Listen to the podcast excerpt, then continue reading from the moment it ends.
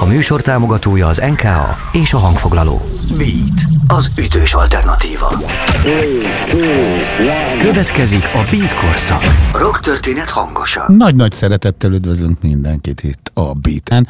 Ez itt a Beat korszak, az ütős alternatíva rádiójának Beat történeti talk show jól mondom? Kollégámra, Szemők Bálintra nézek, aki örök társamként jár velem ezen a vándorúton, amikor megpróbáljuk a Beat korszakban egyfajta társadalomtudományi fókusszal elemezgetni, a nem is tudjuk mit hogy egyetem mi az, hogy bitkorszak, mi az, hogy könnyű zene, és megpróbálunk olyan embereket levadászni, akik vagy kutatnak társadalomtudományi eszközökkel, beattel, könnyű zenével kapcsolatos témákat, vagy nem kutatnak, de viszont ezer-ezer dolog van, amiben kapcsolódnak, és amivel meg tudják osztani tapasztalataikat velünk és a kedves hallgatókkal. Engem Alcsák Lászlónak hívnak, ez tulajdonképpen a legutolsó sorban fontos. Mai vendégünk nem más, mint tanulmányaim egyáltalán a szociológiához, a kulturális antropológiához való ö, közelebbi kötődésemnek a, a mentora, a mesterem, dr. Letenyei László. Szerbusz László!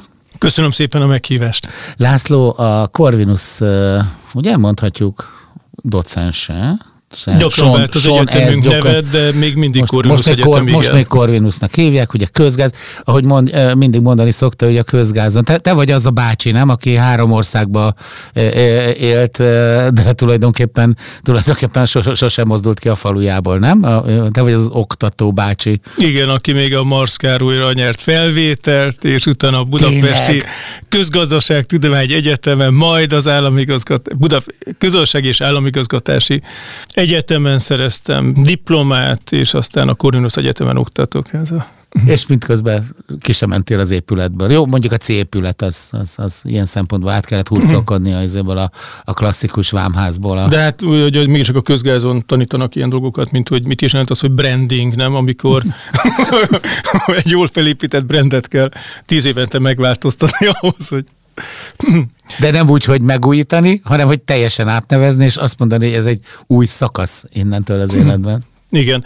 Emlékszem, hogy voltam egy nemzetközi konferencián, ahol én harmadikként adtam elő. Előttem volt egy úriember, akit nagyon hosszasan méltatott a szekciót vezető, ö, nagy szakálló és nagy presztízsű spanyol egyébként ö, ö, szekcióvezető azzal, hogy és akkor őt még hadd emeljem ki, hogy azt az egyetemet képvis, amely Budapesten az egész rendszerváltásnak az illovasa volt, sosem lett volna itt a vasfüggöny leomlása, hogyha ez az egyetem és ennek a közgazdászai, mint reform közgazdászok nem indítják el a, ezt a mozgalmat, és hát ő is ott is szerényen hallgatott meg én is, mert mind a ketten tudtuk, hogy a BGF-ről jött. én pedig ugye a Corvinus Egyetemről.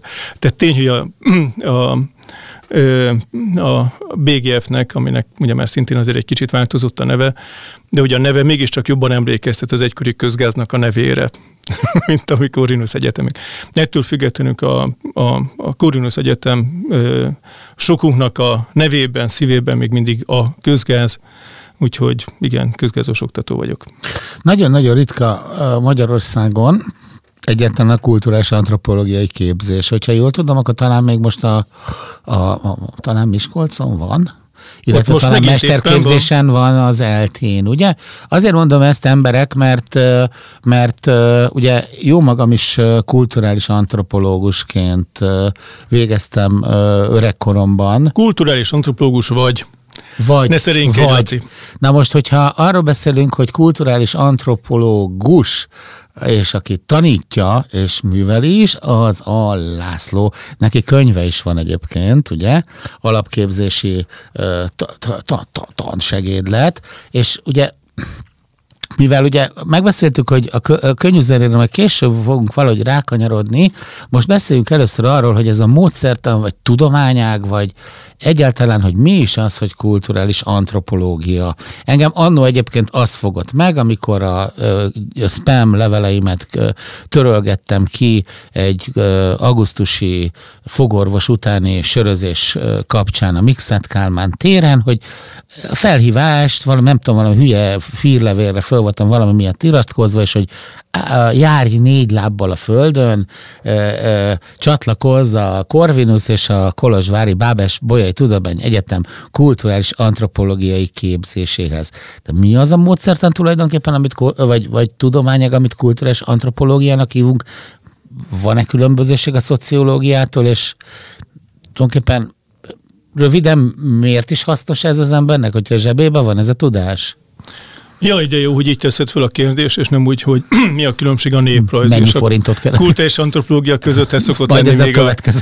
A, a, a kicsit gyakori Ez volt a behúzó kérdés. Én egyértelműen társadalom tudománynak látom, gondolom a, a kultúra és antropológiát, egyébként a, a kortárs néprajztudományt is, és hogyha a rádió hallgatóknak nem ez a fő érdeklődési kör, akkor leegyszerűsítve annyit mondanék, hogy egy összehasonlító néprajzról, vagy egy összehasonlító szociológiáról, társadalomtudományról van szó, ahol nagyon fontos az, hogy a különböző kultúráknak, tehát a Földön található különböző népcsoportoknak, népeknek, országoknak egyfajta összehasonlító tudománya, összehasonlító vizsgálata.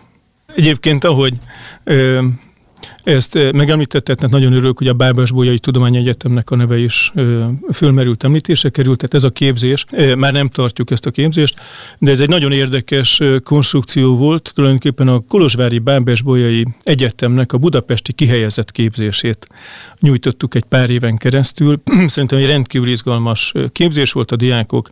Kolozsvárra is jártak, Budapestre is jártak, ez már önmagában volt egy, egy interkulturális találkozás, függetlenül, hogy a képzés folyamatosan magyarul volt, és egy disziplinák közötti találkozás is, hiszen ne felejtsük el, hogy Romániában és Magyarországon egy kicsit máshogy van az akadémiai tudományos besorolása ennek a, vagy a különböző disziplináknak. Magyarországon a kultúra és antropológia és a néprajz tartoznak egybe. Vannak például ilyen tanszékek, intézetek, hogy néprajzi és kulturális antropológia, nem is egy. Romániában viszont a szociológia dominium, tehát a szociológia tudománya alá, vagy nem is alá, hanem mellé tartozik, és ti ott Kolozsváron ugye egy szociológia tanszék keretében szervezett kult és antropológia képzésben vetettek részt, és e, szerintem ez egy nagyon jó jó képzés volt, van, ugye Kolozsváron még van, Budapesten már nem oktatjuk. Nagyon jó képzés volt, mert azokat a módszertani alapokat, lábakat, amit a, amit a szociológia képvisel, azt ugyanúgy megtanultátok, mint azt, amit mi tudtunk hozzátenni. Ilyen szempontból szerintem egy szélesebb látókörű antropológus képzés volt. Inkább így... Jaj, de untathatjuk ezzel a zenére. Nem, én azt, kíváncsi hallgatókat. Azt azért a hallgatóknak, akik éppen elalszanak, hozzátenném, hogy szociológiát, akár kultúrás antropológia, akármilyen társadalomtudományt, ami ugye megfigyeléssel, hiszen ugye nekem a varázsmondata az László első nap, első kurzus, első óra, első mondata volt, hogy a kulturális antropológia lényege a résztvevő megfigyelés. Na most ezt én 43 évesen nappali tagozó, közte, körülöttem 20 éves emberekkel, azt mondtam, hogy hazaértem, egész életemben ezt csináltam, ültem, és kamilláztam ugye az emberekre, és nézd, megpróbáltam kitalálni, hogy mire gondolhatnak, minden. Ugye László szerényen nem mondja el, hogy tulajdonképpen maga a kulturális antropológia azért, mint disziplína, vagy mint módszertan, vagy mint szemléletmód a világra, nevezzük mélység függően annak, amit akarunk, de azért valahol a klasszikus a, a fehér ember bemegy a vadonba, és megismerkedik az ott élő törzsekkel, akár hogy, hogy beépül, akár hogy elbújik a bokorba és nézi őket, akár úgy, hogy elveszi a főnök lányát, de mindenképpen valamilyen szinten távolságtartással megpróbálja, ugye émikusan vagy étikusan megpróbálja ö, leírni, hogy akkor tulajdonképpen mi is folyik ott, ugye. Ennek rengeteg ö, ö, képviselőjét ö, ismerjük, kettesért mondjuk Malinovski tudnám meg gyorsan így bedobni, de Santos János tessék, ez már gondolom négyes, hármas, tehát hmm. hogy, hogy itt ugye a, a, a dolognak a nemessége az egyik ez, hogy, hogy, hogy van egy, egy, egy, egy együttélés a, a, a, az eszköznek, ugye az ember, aki kutató és antropológus, az voltak éppen maga a mérőeszköz, illetve a mérési tárgy, vagy az alany, ugye azok, akiket megfigyelünk. Ez az egyik dolog, ami szép és nemes. A másik, amit László ugye folyamatosan mondott nekünk a kurzusok során, hogy amikor az ember véletlenül kiejtette azt a, a száján, hogy szubkultúra, akkor rögtön ö, ö, ö, tehát felhorgat, ha szabad így mondani, és azt mondta, hogy nincsen szubkultúra, vannak kultúrák. Kultúráknak ekvivalenciája van. Tehát nem mondhatjuk azt, hogy valamelyik följebb van, vagy lejjebb, így szubkultúra, ugye? Az úgy nem létezik. Hogyha van szubkultúra, ami egy hát mégiscsak egy angol nyelvből átvett kifejezés, akkor ragasszunk mellé még egy német nyelvből átvett kifejezés. Olyan is kell legyen, hogy hochkultúrán, hochkultúra. mint magas kultúra. És akkor már ott és, is vagyunk annál, hogy... Így van, kultúrák vannak, kulturális jelenségek vannak, és, és fogadjuk el azt, hogy minden ember egyenlő, minden emberi kultúra, és minden emberi kulturális jelenség is egyforma és egyenértékű. Metálosok, sőt, gótok, pánkok, Sőt, még egy kicsit, még a beat zenét is befogadhatjuk. Na most ugye, eh, hogyha... Ha nagyon megengedőek vagyunk. A, ugye a mi korunkban, amikor mi tanultunk kultúrás antropológiát a Lászlótól, akkor már viszonylag kevés, de biztos, hogy van még ma is ugye rengeteg lehetőség elmenni tényleg a dzsungelbe, tehát a fehér folt, a, az off the beaten track-et ö, ö, keresni, relatíve kevés. Egyébként itt teszem hozzá azt, hogy miért volt jó az a kurzus. Azért volt jó, mert Kolozsvárt lehetett kisebbségi nyelvi környezetben, amit ugye a Corvinuson magyarként, hát az nehezen lehet megtapasztalni mondjuk egy olyat, hogy etnikum, etnikai elnyomás, ö, linguistic landscape, tehát hogy, hogy, hogy a, a, a nyelvi elnyomás, mondjuk teszem azt például a kétnyelvű feliratok, hogy ugye csak a hallgatóknak mondom, hogy azért Kolozsvát azért jóval nagyobb betűvel van kívül románul a dolog, mint magyarul. De ezt ott ugye élőben meg lehetett tapasztalni, sőt, a kurzusnak egyfajta szakmai gyakorlata volt az ott lét a minden nap, amikor ugye tömbösítve lenyomták az órákat, és akkor mögött a kocsmába, stb. Hát szóval, hogy az ember úgy megélte azt, hogy, hogy milyen is az, amikor mondjuk, nem tudom, egy, egy, egy kultúrát, úgymond egy kicsit azért mondjuk a, a, az uralkodó kultúra elnyomna, de nem is ez az igazából fontos. Nekünk ez volt a pici expedíciós létünk, maga a kurzus volt az expedíciónk, úgy mondhatnám. Viszont László még hogy mondjam, a, a klasszikus 19. századi felfedezők gyökérzetéből is egy picikét táplálkozva, ugye Bog, Boglár, Boglár, ugye? Én a Boglár iskola. Boglár Lajos uh, tanítványa egyrészt, ugye Boglár Lajosról majd László fog egy pár szót mondani, remélem, de aztán meg arról is, hogy hogyan is kezdődött el a te uh, Egyáltalán hogy lettél? Miért pont ide mentél köz, ugye az, a, a középiskola után, ahova, ahonnan azért gyakorlatilag bárhova mehettél volna, hiszen ugye onnan ismerjük egymást, hogy meg volt azért a képességed az, hogy, hogy, hogy tehát egy menüből válasz ne, ne, nem, nem ilyen kizárásos alapon, és hogy ugye neked meg volt rögtön az a lehetőséged, hogy valódi expedíción vegyél részt. Kezdjük Boglár Lajossal, és akkor érkezünk el az Otaváló indiánokig, vagy, hogy, vagy mesélj. Szívesen. Hogy lesz az ember antropológus? Na. A, ö, hát a, ö, amikor ugye valódi expedícióról ö, beszélsz, akkor tehát abban igazad van, hogy megboldogult fiatal koromban Sokszor voltam olyan, több, több lehetőségem nyílt többször is olyan helyszínre menni, ami Magyarországról nézve kellően távol és kellően egzotikus. És hogyha igazat mondasz abban, hogy a kulturális antropológiát még ma is sokan úgy tételezik fel, hogy a magas iskolai végzettségű fehér emberek hobbija, hogy elmennek az alacsony iskolai végzettségű és vagy távoli és vagy színesebb bőrű emberek közé ö, okos embert játszani. Remélem, hogy azért változott a kulturális antropológia, és, és hát napjainkban azért ezek a viszonyok megváltoztak, de hogyha így fogjuk fel, hogy a klasszikus kulturális antropológia volt, akkor nekem valóban megvoltak ezek a korszakaim, de hogyha azt mondod, hogy expedíció, ezt a kifejezést én is szívesen használtam, mert szerették a rádió és a sajtó szakemberei, de én azért majdnem mindig olyan helyekre szerveztem expedíciót, vagy voltam tagja expedíciónak, ahova mások, Volt ahol mások 50 éves érettségi találkozót szerveznek, vagy ők tudom, cserkész, az sem, mert az már túl, mondjuk a, Ez a túlvad. igen, tehát a közép, középiskolás lány csapatnak a hétvégi kirándulását szervezik. Ottaváló, ami valóban az első antropológiai terepmunkánk volt még diákként, egyetemistaként én a 23. születésnapomat volt szerencsém ebben a Bájos Ekvadori kisvárosban ünnepelni, és akkor voltam negyedéves egyetemista, tehát Ottawa egy borzasztóan barátságos kisváros, sőt, tovább megyek egyébként egy olyan turisztikai célpont, hogyha valaki rákeres arra, hogy Ekvádor látnivalók, akkor hát az első tíz de inkább az első öt, de lehet, hogy az első egy helyen mindenképpen ki fogja tudni, ha rá is keresel, látom. Az ott piac az egy, az egy valódi turista látványosság, a ottaválói lakosság, amelyik egyébként valóban egy őshonos kecsua ajkú indián népesség, az egy olyan etnikai gazdaságot valósít meg, ami hát így mágnesként vonza a turistákat. Nem nagyon hiszem, hogy lenne olyan turista, aki, hogyha Ekvádort meglátogatja, akkor azt kihagyná. A Galápos, Galápagos sziget, szigeteket is könnyebben hagyják ki a turisták, mert az több pénzbe kerül, mint, mint ott evelót, ahol, hogyha leszel kitóban a repülőgép, akkor ez egy ilyen autóbusszal könnyen megközelíthető. És mindig, minden évszakban, ugye egyenlítő alatt vagyunk, tehát nincsenek évszakok, mindig minden évszakban. És egy alatt, egy, od, ugye igen, Ecuador. Ecuador. Tehát egy, mindig egy borzasztóan izgalmas hely.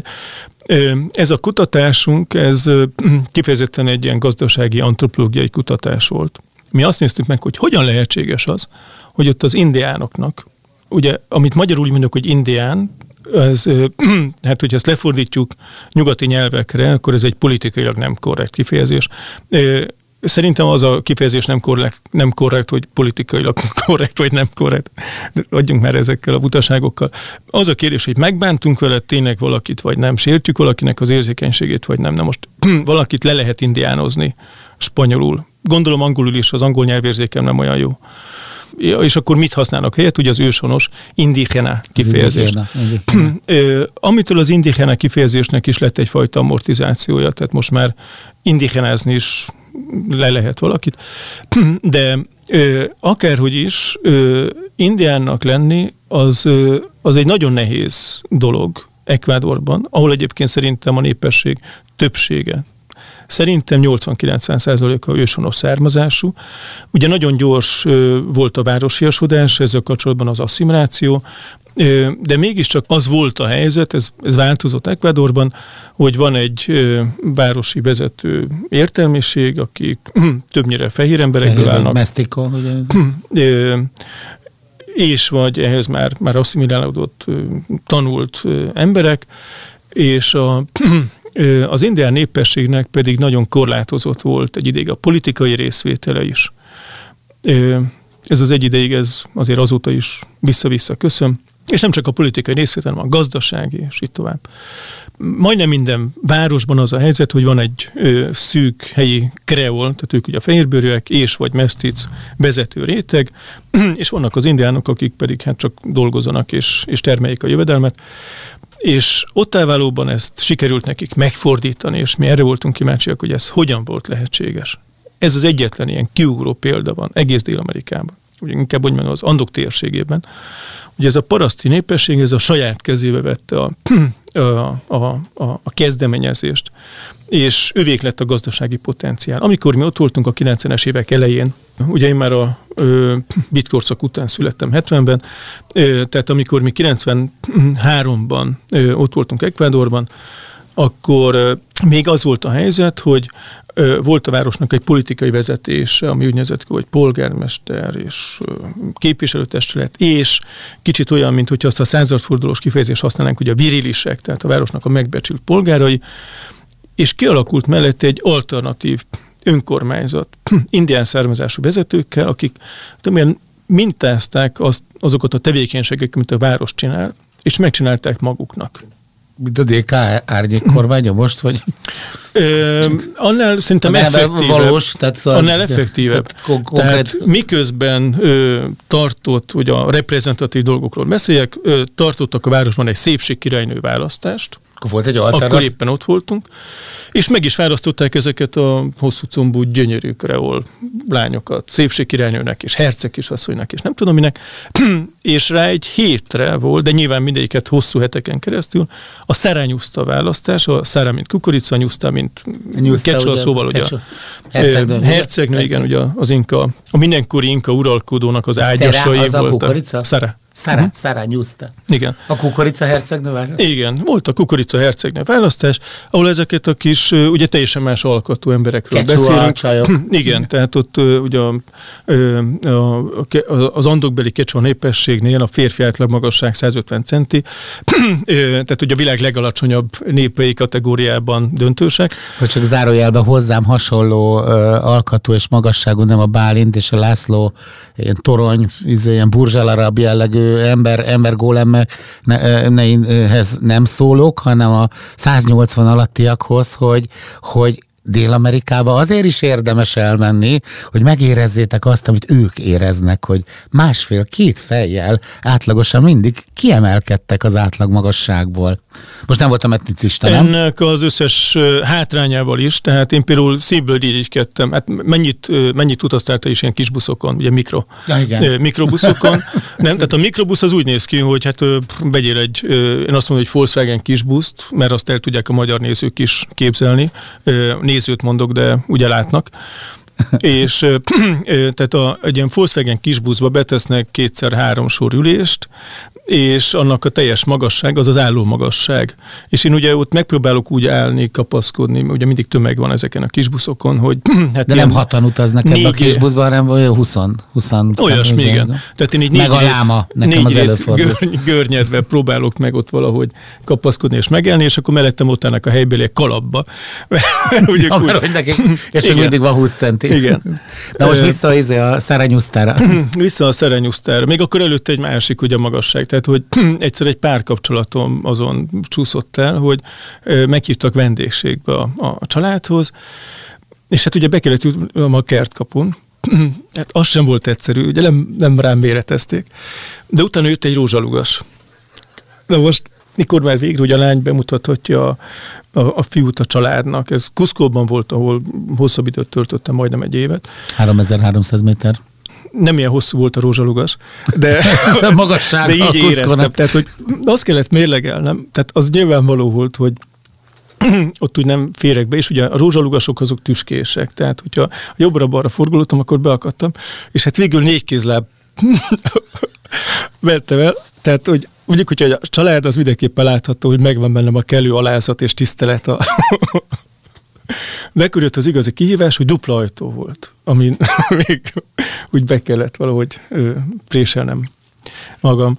Tehát ö, ö, amikor magasság azt mondod, hogy magasság. megérezheti az ember azt, mondjuk nem tudom, 160 centis magasságával, hogy ő most milyen magas, akkor ez így van, de a mi 180-as magasságunkkal is megérezheti azt, amikor Gulliver Lilliputban, tehát hogy ennek, mm. hogyha ezt a Lilliputot felidézzük, ugye több hátrány származott talán, mint előny, nem a, a, hát igen. az idegenségből. De visszakanyarodva... Száragyuszta a szerenyuszta választás, és akkor ott ezeket a, a kifejezetten a kerekdedidomú, Ö, ö, hát nyilván olyan alacsony, mint ott az ottani magasság. Olyan magas, nem alacsony. Olyan magasságú ö, lányokat választotta. És ezek a kerek, de idomú egyébként nyilván a népviseletben, ami azt is jelenti, hogy hát felsőmerül a bikini, nem? Tehát, hogy a, ott álló népviseletben, ami egy ilyen kék lepelszoknyát jelent, kicsit olyan, mint a csángó népviselet, tehát hogy a lepelszoknya, amit körbe tekerünk magunk körül, és akkor egy övvel lehet derétájban megszólítani. és tehát ők, ők lettek a szépségek, és én akkor gondolkodtam azon, hogy, hogy tényleg mennyire fontos, hogy vissza tudjuk adni a nőknek azt a szépségideát, hogy ők érezhessék magukat szépnek. Mint a akkor reklám, is, nem? A, a, a De ezzel mennyire megelőzték egyébként, ez a Konáinak hívták akkori indián mozgalmat, tehát a Konái mennyire megelőzte. Konái, ez erre, erre, erre, erre Annak volt, volt az az egyik az egyik, az egyik Ecuador indián mozgalom volt a Konai, tehát ez a Konai szervezésében volt, és mennyire jó ráérzett a Konai arra, hogy, hogy nem csak egy szépségidál van a világon, nem csak Barbie babaként, nem csak anorexiásként tud szépnek lenni. Vannak más szépségideálok. És megnéztem a szerenyusztát és a többit, és tényleg meg kellett állapítanom, hogy tényleg gyönyörűek. Holott teljesen más, hogy gyönyörűek, mint ahogy mi hete, hetek óta egy dalt van a fejemben, az All About the Bass, But the Bass, No Trouble, nem tudom, azt ki ismeri, és abban van egy sor, hogy I, I won't be no stick figure, Silicon Barbie doll. Hmm. Erről szól a dal, hogy a csaj ugye arról énekel, hogy azért, igen. Azért így a hallgató is levehette, gondolom, hogy Lászlónak az andok azért von Haushaus is, meg egyáltalán is ugye azért be van akadva, de azért a, a, a, a rögös, hosszú, évtizedes életutat során nem csak erre az egy tájékára jutottál el a Egyébként most nézem, magas hegységi és ilyen dimbes dombos a, a, a, a, a, a, pedigrét gyakorlatilag. Tehát volt a Jemenben, Tibetben, én jól olvastam? Vagy Jól. a Tibetben? Akkor ugye volt ez Szibériában. erről nem egyszer. Hát most itt arra mondom, amit az átlagember is egy letenyei László keresésre így, akkor ugye Erdély, Csángóföld. Tehát különböző kultúrákban értettetten szerintem a modernitás és a, és a megmaradt, a sarokba szorult kultúráknak a, a, a továbbélő viszonyát, ezt lehet mondani? Tehát igen. Tehát Modernitás kifejezés, modernizáció, ezek is Azt létező ér mondani? fogalmak. Ér mondani, ér, ér mondani. Igen. Lászlónak az egyik nagy, nagy dolog, bocsánat, amit meg, meg csak úgy, mint ö, diákjaként így, így, így hogy, hogy, hogy meg micsoda meg, megfosztás volt például ugye a Kecsoák, Bolíviában, ugye, de, de ugye a Kecsoa népességnek, Aymara népességnek, hogy, hogy ugye lefették a, az utcákat, tehát az, aszfaltozás, ez egy olyan érdekes dolog volt többek között, amit mondtál annak idején, nagyon mélyen elgondolkodhatod, hogy, hogy ugye a, a megszűnt a viszonya a földanyával, tehát ugye addig ta, ugye a talpukon keresztül az anyafölddel találkoztak, és abban a pillanatban, hogy burkolt utcák, meg járdák jöttek létre a, a településeken, az tulajdonképpen egy megfosztásként. Tehát olyan apróságok vannak, csak azt akarom mondani, amit a nyugati ember ezekben a kultúrákban egyáltalán nem fel se fog, jó szándékból és rosszat tud tenni. De ma nem tudom, most pff, kérdezhették Tibetről, kérdezték, de kicsit talán kanyarodjunk rá a, a könnyű zenére. Ugye, amihez ugye nem értesz, nem kutattad, és, és ö, ugye például ezekben a közösségekben, ugye ezekben a, ezekben a autentikus kultúra, ezt lehet mondani, vagy megmaradó Minden kultúra, kultúra autentikus. Jó, akkor a, hogy mondjuk az ottaválok, hogy mondjuk a, a moldvai csángókat, akik uh, tartják a szokásaikat, hogy milyen, milyen, milyen, milyen, milyen kifejezés lehet? Hogyha kellően naivak vagyunk, akkor én is pártolom, hogy beszéljünk olyan moldvai csángókról, akik kitartanak, és évszázadok, talán év, ezer, vagy egy, nem csak egy évezred, hanem ki tudja mióta ott őrzik előőrsként a Mert magyar kultúrát. Mert valók vagyunk. De én azt gondolom, hogy a, a kultúra őrzése helyett a, a kultúrának egyfajta ö, megújító fenntartása az, ami Moldvában is ö, Tibetben látszik, és Ecuadorban és, és, és, és Ecuadorban is. Ez a... Így van, tehát ö, a, én borzasztóan ö, nagyra értékelem azt, amikor van egy olyan kulturális csoport, amelyik tisztában van a saját kulturális hagyományaival, és azt megőrzi, de a megőrzés az, mert ugye ez a nevében is benne van, hogy az többnyire ilyen tudatos törekvés és választás, és a moldvai csángó kultúrában is van egyfajta tudatos törekvés, van olyan moldvai csángó értelmiség, amelyik erre tudatosan törekszik, és mindig is voltak a moldvai magyar kultúrának olyan értékei, amiket valakik igyekeztek továbbadni, megőrizni, gazdagítani, kiterjeszteni, de de ez nem egy, nem egy statikus, állandó kultúra, vagy kulturális jelenség, hanem, hanem Moldva is folyamatosan változott és változik. És ha ma elmegyünk Moldvába, ha már ez került szóba, akkor a kulturális hagyományok megőrzésén túl bizonyos kulturális jelenségek elvesztésének is folyamatosan lehetünk tanulni, ezt nevezhetjük kulturációnak, és akkor ezzel ugye kifejezzük azt, hogy ez nekünk nem tetszik. De azt is megfényeljük, hogy az a kultúra is változik. Folyamatosan változik. És vannak olyan kulturális jelensége, amiket nem mondhatunk arhaikusnak, de attól, attól még borzasztóan értékes. Hadd mondjak egy példát, jó? És megint a gazdasági antropológus beszél belőlem. Tehát, hogy az ott való indiának is az érdekelt, hogy hogyan sikerült nekik kitörni abból a szerepből, amit rájuk hoztatok, hogy ti vagytok a szegény parasztok és hogyan sikerült nekik betörni az amerikai turisták által preferált kézműves piacra, ahova egyébként meg fehér ember nem teheti be a lábát, tehát ezen a piacon vannak, reólok nincsenek. Tiltek az ország és a hatalom, de az a gazdasági, az a piac, ami az utoló piac, az a, a mi kezünkben, az indánok kezében van, és ráadásul ez egy kiváló exportpiac is, ugye az ott a családtagjaikat küldték Amerikába, Európába, és itt tovább, és, és, és mindenhol lehetett, ez most már inkább egy kicsit múlt idő, kapni ezeket az ekvádori indián szőtteseket, amiről többen csak annyit tudtak, hogy Ecuador és indián textiltermék, tehát szőttesek. Na most Moldváról akkor hadd mondjak egy olyan dolgot, hogy miközben nyilvánvalóan a mindenkori hatalom, beleértve még a katolikus egyházat is, igyekezett háttérbe szorítani a magyar nyelvet, nagyon világosan, és még nagyon sok kult és jelenséget. Egy, egy olyan kultúra, amely annyira erőteljes, és vitális, mint a, mint a moldvai katolikus közösségnek a kultúrája. Azért nem szívesen mondom azt, hogy csángó, mert több olyan település van, ahol nem szeretik ezt a kifejezést, hogy csángó.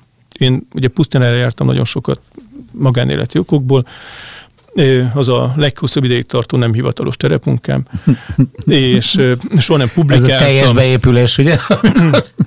és na, Bocsánat, ott, ezt ott csak, csak zárójelben a... jegyezzük meg, van ugye a résztvevő megfigyelés, a, és a biznisz antropológiában, amit ugye László is többek között művel, van a, a, a megfigyelő részvétel, ugye, tehát amikor az ember adott esetben megházasodik, vagy pozíciót vállal egy cégnél, és évekig dolgozik, és tulajdonképpen akkor is terepen van. Egy antropológus mindig terepen van. De soha nem publikáltam ezekről a moldvai tapasztalataimról, de akkor most hadd meg egy olyan dolgot, ami egyébként önmagában publikálható lenne. Tehát a, a ugye az, tehát a moldvai magyarok azok nagyon sokféleképpen definiálhatják magukat, de a legáltalánosabb az az, hogy katolikusok. Tehát, hogy úgy identifikálják magukat, hogy mi katolikusok vagyunk, ez biztos. És ez még ott is igaz, hol megtörtént a nyelvváltás. És akkor kik azok, akik nem katolikusok, ugye a helyi kifejezésre lévők az olák, tehát a románok, akik ugye nem katolikusok, és akkor a, na most a, a pusztiniak identitásában azért benne van Puszta. még egy pusztina, ez a Pustina, falu. Pustina. Ez magyarul? Ez magyar, ez egy moldvai Ezt így leírom, esszel. Mint kis puszta. Aha, olyan picike puszta, pusztácska. Igen, mert hogy ott ugye jöttek ezek a székelyes sángok, kerestek maguknak szálláshelyet, és ott volt egy pici tisztás, és ott megtelepettek. És pusztina. És hát, na ők például magyaroknak hívják egyszerűen magukat, nem csángoknak, ha nagyon megkapargatjuk, akkor mondják, hogy mold vagy magyarok, de ez is, tehát az ő identifikációban az nem kell. És hát úgy eléggé, hogy is mondjam, hogyha elmegyünk az ottani katolikus templomba, akkor van egy oltárkép, ahol Szent István felajánlja a koronát Máriának, tehát úgy nem, szimbolikájában nem túlságosan félreérthető, hogy vajon milyen identitás alatt mögötte. De, de most vissza... az Ávrám Jankunak nyújtja át a Szent Koronát. De most vissza kanyarodva, hogy van még egy nagyon fontos réteg ennek a pusztinai, tehát ez, ez most nem az összes többi, ez csak a pusztiniaknak. Ugye én, tehát amikor oda kezdtem járni, az már rendszerváltás után volt. És hát úgy emlegették saját magukat, hogy a Júingok. A Júingok falva, mert ugye egy kőolajbányász kőolajat találtak a, a falu határában, a környéken egyébként másút is van. Kőolaj, a legtöbb kutat időközben bezárta az ÖMV, amikor ugye megvették, mert úgy nem tartották gazdaságosnak a kitermelést, Na de végig a Majd 70-es, most, majd 80-as most. években és a 90-es években a kőolaj kitermelés az egy fontos része volt a, a falu identitásának, hogy itt van olaj. Na most az olajiparban ugye többen dolgoztak, ők többnyire bejártak a főleg Onestre, de vagy Mojnestre, ö, ö, ahol, ahol voltak ennek megfelelő gyárak, és akkor ugye ők ingáztak, magyarul navétáztak. Ez magyarul volt, hogy navétázás? Erdélyi magyarul. Navétázás. Ö, Mindig tanulunk, látjátok? Érdemes hallgatni ezt a rádiót. Tehát ez, hogy ott, ott van olaj, ez elvileg a falusiaknak nincsen semmi köze, mert ugye a kőolajkutakat egyszer telepítik, azok ott úgy billegnek, és, és ha úgy tetszik, akkor a falutól el vannak választva ezek a kőolajkutak. Elvileg, gyakorlatilag nem. Ugyanis a falusiak rendkívül tehát ez kimondottan a pusztiniakra vonatkozik, rendkívül sokrétűen hasznosították ezeket a kőolajkutakat. Mégpedig. Hát először is rájöttek arra, hogy a kőolajkutak környékén nagy tótságban tud összegyűlni ez az olaj. Egyébként a kőolajnak tudod, hogy mi a magyar neve? Nem? Ez, hogy kőolaj, ez úgy nagyon látszik, nem? Hogy ez egy ilyen műszó. Nem Igen. tudom, németből fordították vissza magyarra, vagy mit csináltak Nem vele? tudom. De az biztos, hogy valami földrajztudós gondolkodhatott rajta. Ott pusztán nem használják azt a kifejezést, hogy kőolaj, hanem úgy mondják, hogy degenyeg. Degenyeg. Igen. Szerintem a degenyeg a kőolaj autentikus magyar neve. Biztos másutt is volt olyan, hogy előbukkant És a akkor a molnak ezek szerint MDL-nek kellene a Én magyar degenyeg. És gázipari tröszt. Hát egyébként nem biztos, mert ők ugye a Degenyeg, feldolgozott olaj is foglalkoznak, de az az üzletág, amik a kőolaj kitermeléssel foglalkozik, A degenyeg. az, az nyugodtan mondhatnák, hogy a degenyegipari. Na most ebben a szóból én azért így rögtön kihallottam azt, hogy Degenyeg. dagonya, A dagonya. Aha, a Nem?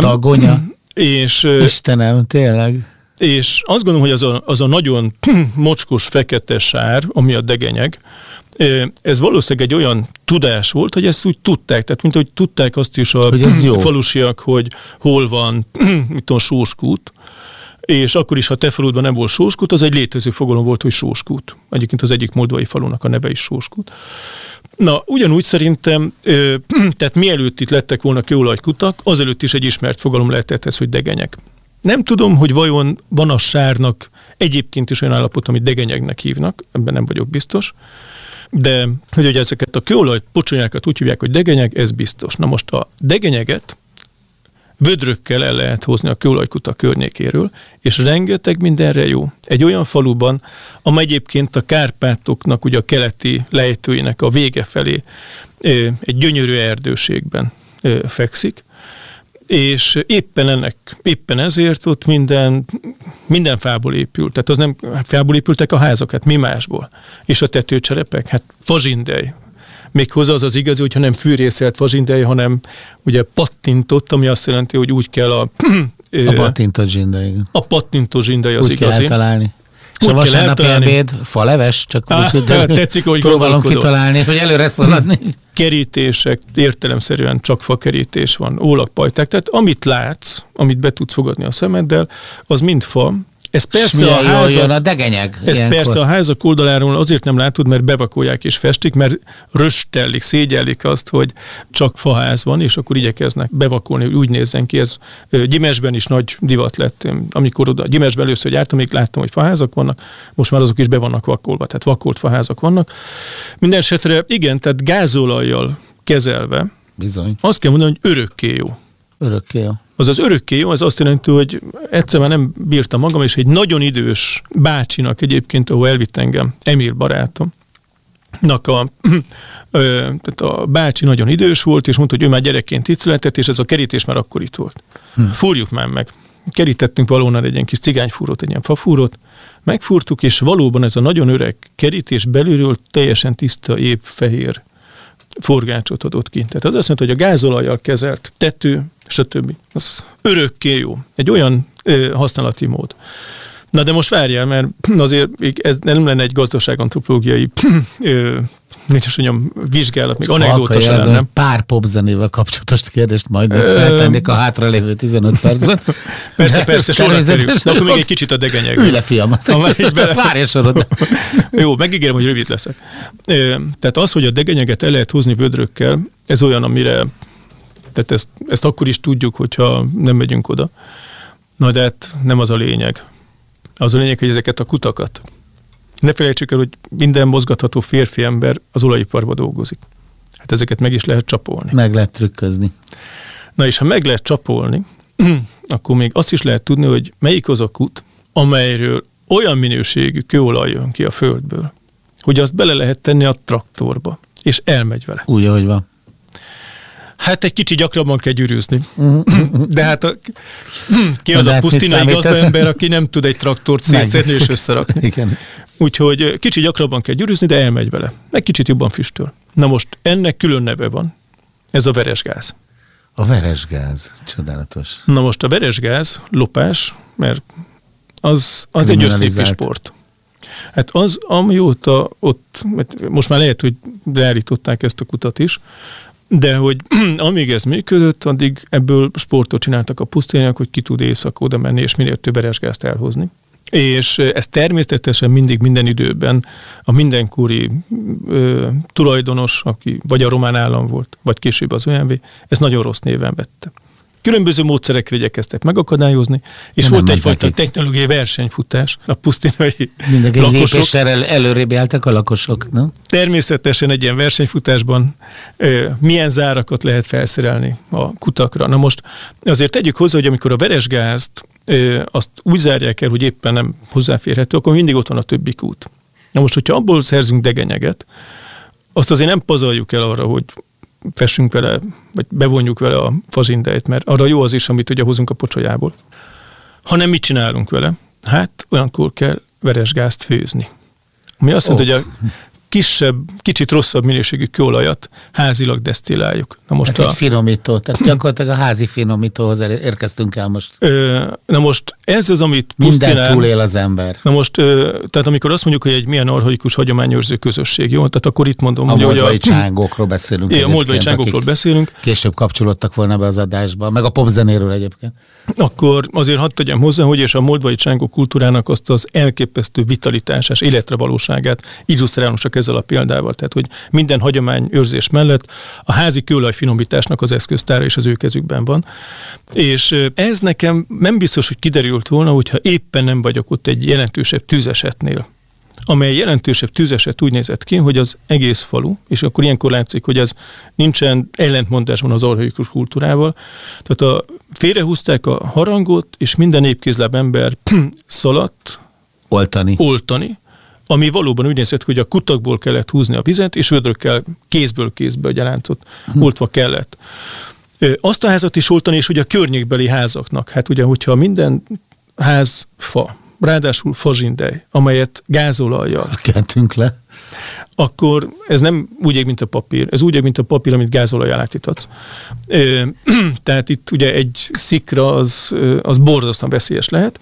Tehát akkor én például itt tapasztaltam meg, hogy, hogy a helybéliek, megint csak nagyon jól ismerve ennek a technológiáját, szőnyegeket hordtak ki, amelyeket jól átáztattak vízzel, és azzal takarták be a, Saját házaikat. a saját, Meg a, a szomszéd, szomszéd, meg meg a pajta, meg a, meg a többinek a tetejét.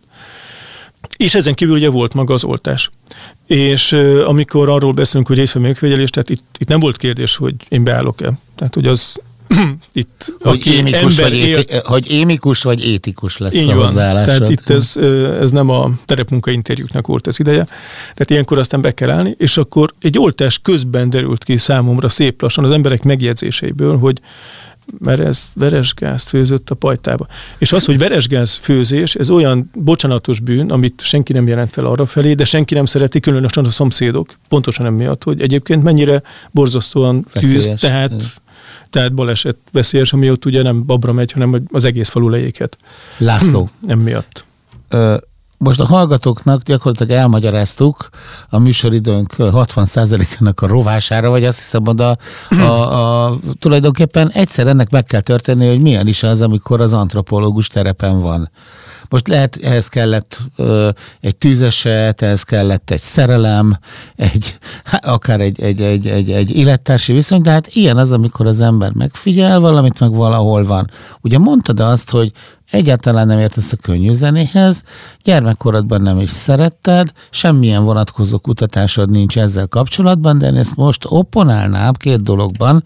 Van cirka 15 percünk, 10, úgyhogy most beszéljünk a műsorunk témájáról.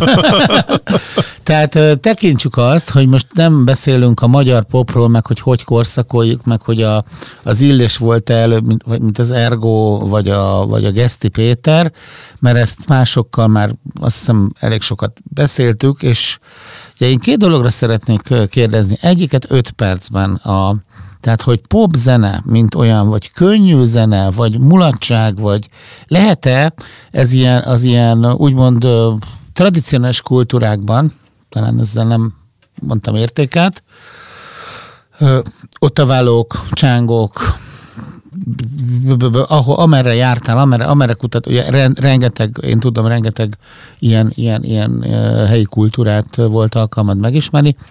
Van-e elválasztása a, a úgymond, tehát van, létezik-e ezekben a kultúrákban a komoly zene, könnyű zene felosztás egyáltalán úgy, ahogy van, abóvó, most azt leszámítva, hogy nyilván ők is hallgatnak rádiót, tehát nem intaktak, ugye, ahogy, a, ahogy azt elképzeljük, hogy van Amazoniában egy törzs, aki bizony csak még mindig nézze az ezüstös repülőre, még sose tudott látni. Tehát, hogy maga, maga, maga, maga, magában a kultúrán belül van-e ilyen, hogy könnyű zene, meg komoly zene? Ez az egyik kérdésem, ez mondjuk legyen öt perc, és utána meg beszéljünk a szigetről, meg a, meg a mentál mapről, ami ugye egy külön dolog, azt, azt a, ugye az egyik legnagyobb találmányod a sok közül. Na, tehát kezdjük azt, hogy ott a vállójéknál van-e komoly zene, meg könnyű zene? A, köszönöm a kérdés, felvetés, meg felvetéseket. És a, erről eszembe jutott az, hogy mi hogyan szólítjuk egymást, ugye itt úgy mutattál be, mint a mesteredet, aki tanítottalak az egyetemen, de ugye a téma választásnál megkiderül, hogy az mégiscsak te vagy a főnök, aki megmutatott, hogy miről beszélünk, és erről eszembe jut, hogy ez a Ezért mester és a főnök. lenni. Ez, a mester, ez az egyetlen hely, ahol én diktálok. Ez a mester és a főnök, ez pont egy olyan ö, nyelvi fordulat, mint amit mi akkor használunk, amikor mondjuk lakást felújítunk. és Jó, jön... hogy a főnök úr jöjjön. Mester, Igen. húzza ki az élvédőt. Ö, jó, hát akkor... Na, na, na, na, na, megy az idő. Én inkább azt mondanám, hogy a zenének mindenhol több rétege van. Szerintem ezt a szót, hogy klasszikus zene, ezt Európában olyan remekül kitalálták, hogy én amennyire tudom, Dél-Amerikában és mindenhol a, a mi klasszikus zenénket értik alatta. Arra a kérdése, hogy a mi klasszikus zenénk az jelen van-e, vagy a miénkhez hasonló klasszikus zene, hiszen azért ott is volt egy 19. század a maga klasszikus zenei szerzőivel. Ez jelen van-e az andokban, akkor azt kell mondanom, hogy igen, ha már itt tartunk, hogy Dél-Amerika. Én nem Otaválóval példáloznék, jó, hanem most inkább Peruval, azon Peru. belül Cusco. Én Cusco-ban éltem egy ugye hosszabb ideig. És Dél-Amerikában mindenhol, amikor 15 évesek lesznek a lányok, akkor lesznek első bálozók, hogy egy magyar kifejezést használjak, de ezt ott nem, ott, nem így mondják, hanem az, hogy 15 éves lesz. A kinszányosz. Igen, Igen kinszányéro. Kinszányéro. Pontosan, hogy a lány, akkor kinszányére. Tehát a, a 15 éves lányoknak van egy, egy csodálatos születésnapja, amin hát fölvehetik életükben először azt a báli ruhát, amit erre az alkalomra, ami ugye olyas, mint egy esküvői ruha, csak kék, vagy piros, vagy más színű, és uh, itt először az édesapjával táncol. Tehát Kuszkóról beszélünk. Egykor a, világ, főváros, a világ köldökéről, ugye? A világ köldöke.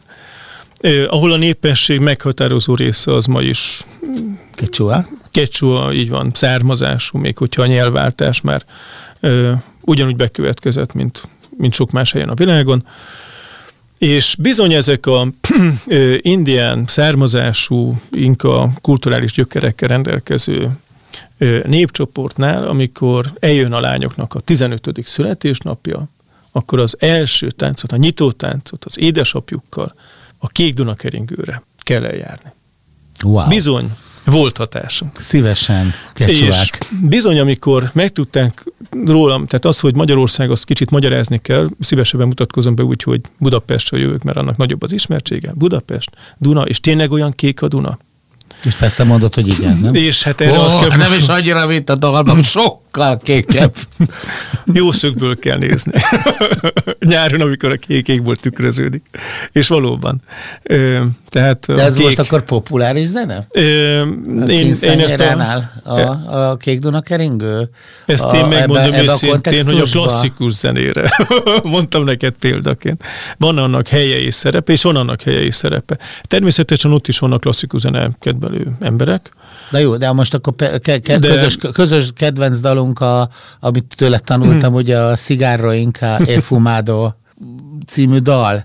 Az könnyű zene, vagy zene, vagy, vagy, vagy, a... vagy, vagy, vagy nincs is olyan e, ezekben a közösségekben? Hát van tánc, van zene, van pánsípozás, furujázás, nem tudom, didgeridózás, a, az Ayers Rock a, a, a, mi ez, ausztrálius lakosoknál, hát hogy azért hogy nehezen el lehetne elképzelni, hogy ebben a kontextusban, hogy táncolunk, örömünkben énekelünk, zenélünk, szomorúságunkban énekelünk, zenélünk, egyetlen a Magyar Zeneházban most nemrég voltam, ugye a sirató dalok, tényleg, te, most azt hova soroljuk? Azt azt mondjuk, hogy azért, mert szomorú, akkor komoly zene? Vagy azt mondjuk, hogy van, van egy, egy, egy organikus zene, ami az élettől a halálig végigkíséri normálisan ezeket a közösségeket, és abban nincsen Bach, Mozart, meg ö, repülők, meg nem tudom, Ivan and the Parasols, hanem van egy zene. Inkább ez az igaz? Vagy a... súlykolom értéksemlegesen egyáltalán nem pusolva a választ a kérdést? Vagy hogy, hogy? Öt percünk van, és ez most egy igen nemmel, vagy egy bővített mondattal, meg kell tovább mennünk a szigetkutatásra. Mm, jó. Mert hogy a... Szóval van ezekben a közösségekben? Egyáltalán Egyáltalán értelmes ez a kérdés, hogy könnyű zene, komoly zene? Egy ilyen, egy ilyen alapbázis közösségben? Tehát az alapbázis... Most nem a Kuszkorról beszélünk persze, mert ott értelemszerű, hogy... Nem az... nagyon, nem érdemes pedig máshogy beszélni, mint hogy konkrét helyszínekhez kötjük. A, ugye megint csak az antropológus beszél belőlem, a szociológust az azt határozza meg, hogy milyen témával foglalkozik. Az antropológus nem. Az antropológus a terepe határozza hogy meg. Hol van. Így van. Nem hiszünk a általános egyetemes igazságok kinyilatkoztatásában, ugye mi antropológusok belértve téged, és abban hiszünk, hogy valami valahogy van, és abból aztán megpróbálunk következtetni, hogy lehet-e máshogy, de azt nézzük meg mások is máshol, hogy, hogy ez tényleg így van-e. Úgyhogy én, én mégiscsak azt mondom, hogy akkor visszahozom a, a kérdést, és akkor, ha már Kuszkót és uh, éppen a uh, moldvai uh, magyarokat uh, vettük példaként, akkor meg én az, annyiból dobom neked vissza, hogy uh, mondok neked három helyszínt, válasz egyet. Jó, és akkor ott nézzük már meg, hogy hogy is van és ezek hosszabb vagy rövidebb terepmunka helyszíneim, akkor maradjon ez a kettő jó, hogy Cusco az egyik, legyen Észak-Mexika a másik, Torreonban voltam. Hiszen ott is voltam, igen. És, Ugye hallgatók azért, hogy végigjártuk volna ezeket a helyeket Lászlóval, vagy bőrében. Szóval és akkor maradjanak a moldvai magyarok harmadikként. És ja, akkor... Tájvanon is volt tavaly, no, csak jegyzem meg. 2020-ban, de igen. Tavaly előtt, na. Ö, De most akkor szóval ezen három közül válaszolom az egyiket, Kuszkó. és akkor megpróbálom. Kuszkónál maradunk. Jó. Tehát ami Kuszkót illeti, más az embereknek a zenéhez való viszonya. Mi ugye, amikor a zenéről beszélgetünk, akkor azt mondtad megkérdezni, hogy milyen zenét szeretsz, miket szoktál hallgatni. Ott nem. Ott az, hogy milyen, milyen hangszeren játszol, és milyen, milyen zenét játszol te. A zenéhez való viszony az egy nagyon aktív viszony míg nálunk azért uh-huh. ugye ez passzív, át, passzív. Én azt kell mondom, hogy elvették tőlünk a zenénket. Elvették tőlünk azt, hogy mi magunk megéljük a zenét. Hát csináltunk elvették ilyen kutatást, tőlünk. reprezentatívat, az volt, hogy a népességnek, a, azt hiszük, hogy Kodály országa vagyunk, de a népességnek a 8%-a tud egyáltalán akár kisebb körben, tehát a furujázástól fölfelé bármit eljátszani? Tehát egyáltalán nem. Ez nagyon érdekes, hogy igen. Én azt mondom, hogy elvették tőlünk, de ez egy természetes folyamat volt, csak így, ugye, hogy is nem erőteljesebbnek hangzik. Elvették tőlünk azt, hogy táncoljunk, elvették tőlünk azt, hogy énekeljünk együtt. És az andokban nem. Tehát az andokban ezt kicsit úgy kell elképzelni, mint ahogy a mi szüleink, nagyszüleink korosztályában volt. Tehát a szüleink, nagyszüleink korosztálya, hogyha összegyűltek, akkor biztos, hogy együtt énekeltek. Valószínű, hogy volt, akadt valaki, aki tudott zenélni egy valamit. De az biztos, hogy ha nem, akkor is tudtak együtt énekelni. És általában tudtak együtt táncolni. Tehát mondja azt mondom, hogy szüleink, nagyszüleink, és akkor itt ezzel az életkorunkat is vegyük számításba, tehát azt gondolom, hogy Laci, nekünk a szüleink, neked inkább a nagyszüleid, hogy rád nézek, de nekik szerintem az lehetett a természetes, és még az 50-es években is, hogy egy szórakozás hétvégén úgy nézett ki, hogy elmentek, és akkor ott táncoltak. És ez ma már annyira nehéz, nehéz megszervezni, vagy hogy együtt énekeljenek. Na az andokban viszont ez így van, tehát nincsen olyan családi esemény, a, mindegy, hogy a kisgyerek születésnapjáról beszélünk, vagy a nagypapának a nem tudom milyen köszöntéséről, vagy egy diplomaosztó. Nincs olyan, hogy azon ne legyen ének és tánc, de olyan ének és olyan tánc, ahol viszont mindenki részt vesz. Van, aki erre úgy készül, hogy most akkor én a családnak gitározok. De általában az van, hogy mindenkinek a kezébe kerül valami hangszer, és mindenki énekel, és ez a mindenki részt vesz. És ilyen értelemben akkor mi a, a zene? Zene az, amit együtt tudnak megélni. Lehet ebben klasszikus? Lehet. Tehát, hogy akár a Kék Duna keringő is bele tartozhat, de még jobb, hogyha egy olyan jó, amit mi már tekintetünk, ugye jó, mint kreol keringő. Egy kicsit olyasmi zenét, meg táncot kell elképzelni, mint az angol keringő. Dallamvilágát tekintve ez is meg, megújul, de azért alapvetően ez a két világháború között volt ennek a nagy korszaka, sőt, még talán az előtt. É, ha úgy tetszik, egy kicsit kulturális zárvány, ha úgy tetszik, akkor klasszikus zene, de azért Vászkriójót azt mindenki tud. Az nem, az nem lehet kérdés. Mm. És természetesen, ahogy, a, ahogy előre haladunk a zenében, jönnek azok a populárisabb dallamok, mint a Szigárra Inka, és ahogy haladunk tovább az időben, akkor előbb-utóbb valaki fölcsavarja a rádiót, és akkor viszont megdöbbentő módon latin zenére fognak a táncolni. Igen. Nem. Zsuanesztől. Ja, igen, Vagy például. egy merenge. Vagy egy merenge, igen. Aha, tehát ezek a rétegek. László, ö, megmondom, hogy miket nem kérdeztem meg. A mental map kutatást. A sziget, közös szigetkutatásainkra egy szót nem beszéltünk. A, arról, hogy van-e pop, az, hogy mi a könnyű zene definíciója, ez valószínűleg a jövő évi műsorfolyamba fog beleférni. Minden esetre azt hiszem, hogy a kedves hallgatók sem tartották haszontalannak talán ezt az elmúlt egy órát. Beszélgettünk dr. Letanyai Lászlóval, mert olyan dolgokat is megtudtunk, amik adott esetben a populáris zene határain kívül, de azzal összefüggésben léteznek, hiszen ugye kultúrába vagyunk beágyazva mindannyian, több kultúrába, vagy több rétegbe, mint ahogy mondjuk egy autentikus közösség többfajta szintű beágyazottságát tekintjük. László, ne haragudj, hogy belét folytam a szót, de már most is egy másik műsortól vesszük el a műsoridőt. Minket hallgassatok egyébként a Beat fm ugye az ütős alternatíván, ezt a Beat korszak volt Szemők Bálint kollégámmal, dr. Letenyei László. A doktort azt azért mondom, mert olyan jól hangzik, hogy Letenyei László, mindig azt mondjuk, hogy a László, a László. A doktor címet használni kell, hogy egyszer egy szombathelyi cégbíró mondta nekem, amikor Én már elévült, jogosulatlanul felléptem ott, mint első éves joghallgató, hogy igen, és a, a műsort azt egyébként bármilyen megosztó platformon is elérhetitek, ahogy is van Bálint, Bitcast néven bármilyen podcast platformon elérhettek minket. Ez volt a Bitkorszak. Egy hónap múlva találkozunk egy újabb társadalomtudományi érintettségű témával. Nagyon-nagyon szépen köszönjük a figyelmeteket. Köszönöm a meghívást. Köszönjük, hogy itt voltál. Ez volt a Beat Korszak. Rock történet hangosan. Köszönjük, hogy velünk vagy. Beatcast. Ezt a műsort podcast formájában bármikor visszahallgathatod. És ha érdekel, a korábbi epizódokból is felzárkózhatsz. Hallgasd a Beat-et a folytatásért. Vagy keresd fel a műsort bármelyik ismert podcast felületen. Beat. Beat. Az ütős alternatíva.